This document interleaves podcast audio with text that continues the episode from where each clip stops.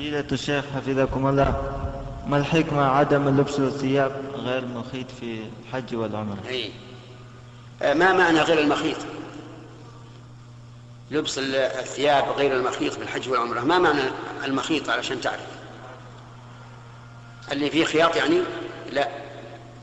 المخيط هو القميص والسراويل والبرانس والعمائم والختان عرفت؟ وإنما نهى النبي عليه الصلاة والسلام عن لبس هذه الأشياء من أجل أن أن يكمل ذل الإنسان لربه عز وجل ظاهرا وباطنا. لأن كل إنسان يبقى في رداء وإزار ذل تجد أغنى الناس آه الذي يستطيع أن يلبس أفخر, أفخر اللباس تجد لا يلبس إلا مثل أفخر الناس. لكمال الذل. وأيضا من أجل إظهار الوحدة بين المسلمين وأنهم أمة واحدة حتى في اللباس. ولهذا يطوفون على بناء واحد ويقفون في مكان واحد ويبيتون في مكان واحد ويرمون في موضع واحد.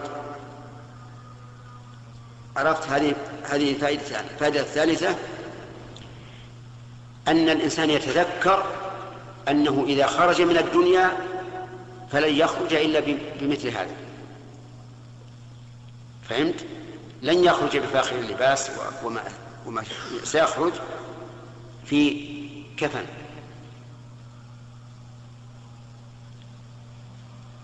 كم حكمة فهمت؟ ثلاث بارك الله فيك